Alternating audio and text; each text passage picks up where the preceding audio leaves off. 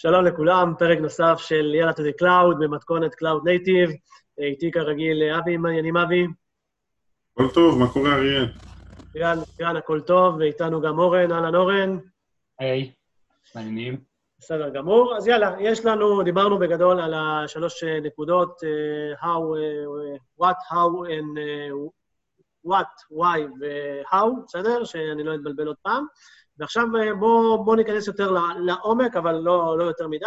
יש לנו uh, workload uh, שרץ, uh, אפילו hello, hello word פשוט. מה קורה מתחת למכסה מנוע?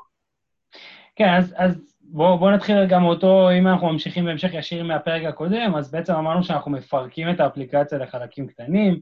החלק הקטן הזה, החלק הקטן הזה של הקוד, שנתת דוגמה טובה, נגיד ה-Low World, לא עושה יותר מזה, אה, צריך בעצם את החלק התשתיתי שיתמוך בו, שזה בעצם קונטיינר, שזה בפרקים אחרים, מה זה קונטיינר ואיך הוא נראה ואיך מייצרים אותו בעצם. אבל אותו קונטיינר צריך עכשיו אה, להיות מנוהל על ידי שכבת האורכסטרציה והניהול של Kubernetes. אה, מבחינת גרנולריות, החלק הכי קטן ב Kubernetes הוא pod. pod יכול להכיל קונטיינר אחד או יותר, ברוב הזמן זה יהיה אחד לאחד, זאת אומרת pod שווה קונטיינר. אמ, אם יהיה תוספת של עוד קונטיינר לאותו pod, זה בדרך כלל שירותים נלווים. אם זה שירותי logging, אם זה שירותי networking, אם זה שירותי security, כמו, תחשבו על כמו agent במערכת הפעלה. אז אם יש עוד קונטיינר, זה בדרך כלל משהו אחר.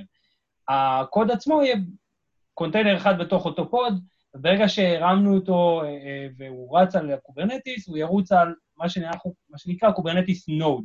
זאת אומרת, הוא רץ על אה, שרת, שיש בו אה, יכולת אה, להרצת קונטיינרים, והוא מנוהל על ידי אותו Kubernetes layer, אותו Kubernetes cluster.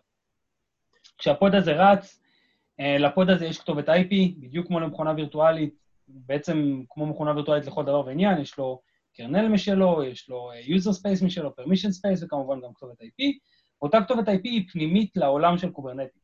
זאת אומרת, הוא, זה רק לטובת ניהול התעבורה והתקשורת בין pod ל pod, ואם רוצים ליחצן את האפליקציה הזאת כלפי חוץ, אז צריכים לייצר לו service. service זה בעצם הצורה שבה אותו workload מוחצן כלפי העולם, ויש כל מיני סוגי service ים. אבי, אתה רוצה קצת אה, על סוגי ה service ים? תמשיך, אתה עושה עבודה נהדרת בינתיים. אוקיי.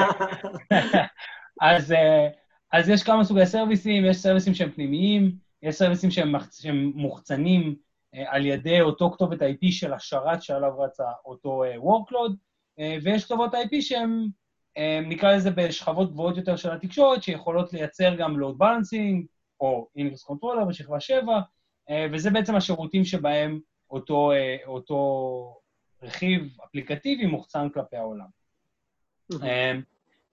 כן, זה, זה בגדול על, על workload ספציפי שאנחנו מריצים. אוקיי, okay. ואם עכשיו אנחנו מסתכלים רגע על רכיבים נוספים, כי כי נראה לי שאז כשהתחלנו לדבר, דיברנו על כל מיני קוביות. איזה, איזה עוד רכיבים אה, אפשר לדבר עליהם?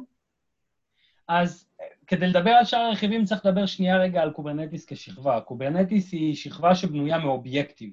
כל אחד מהרכיבים שאנחנו מדברים עליהם עכשיו היא בעצם אובייקט ב Kubernetes. אה, אותו אובייקט הוא, הוא... זה בעצם צורת היצירה של אותו אובייקט זה על ידי הצהרה של איך האובייקט נראה. אנחנו רוצים להריץ קונטיינר, אנחנו נגיד, אנחנו רוצים להריץ אה, pod, ואנחנו רוצים את הקונטיינר מתוך אה, איזשהו source, container שמריץ אה, Linux Alpine או משהו כזה. אה, אותם אובייקטים, אותם סוגי אובייקטים, כמו ה service, כמו ה pod, כמו ה... אה, אה, אם נלך אה, עוד פעם לאובייקטים קצת יותר מתקדמים, כמו replica set או deployment, בעצם מגדירים איך ה-workload הזה ירוץ בתוך העולם של Kubernetes. עכשיו, באמת, צורת ההתנהלות אל מול האובייקט וצורת הניהול של האובייקטים היא לב-ליבו של Kubernetes. אמרנו בהתחלה, בפרק הקודם, ש Kubernetes היא פלטפורמה לניהול והרצת פלטפורמות, הכל מתבסס סביב האובייקט, הצורה שבה אתה מצהיר איך האובייקט צריך להיראות, הצורה שבה Kubernetes שומר על הצורה שהוא אמור לרוץ בה, אה, ובעצם כל שאר האובייקטים שרצים לידו, כמו Services, או Deployments והלאה. אפשר להיכנס יותר לעומק, אבל אני חושב שנעשה את זה טיפה יותר. אה, לי זה הזכיר השיחה קצת את העולם של object oriented בתכנות, אבל אני לא יודע אם זה קשור או לא. אגב, זה לא רחוק משם. כן. לא רחוק, לא רחוק. הכל, כל התפיסה של Kubernetes באה מעולם הפיתוח.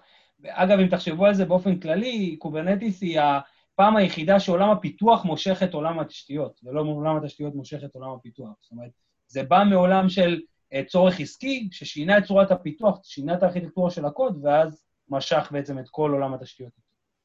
אוקיי. Okay. אני חושב שזה באמת אה, אה, מספיק לפרק הזה. אה, תודה רבה, אורן אה, ואבי. אה, עד הפרק הבא. להתראות. ביי ביי.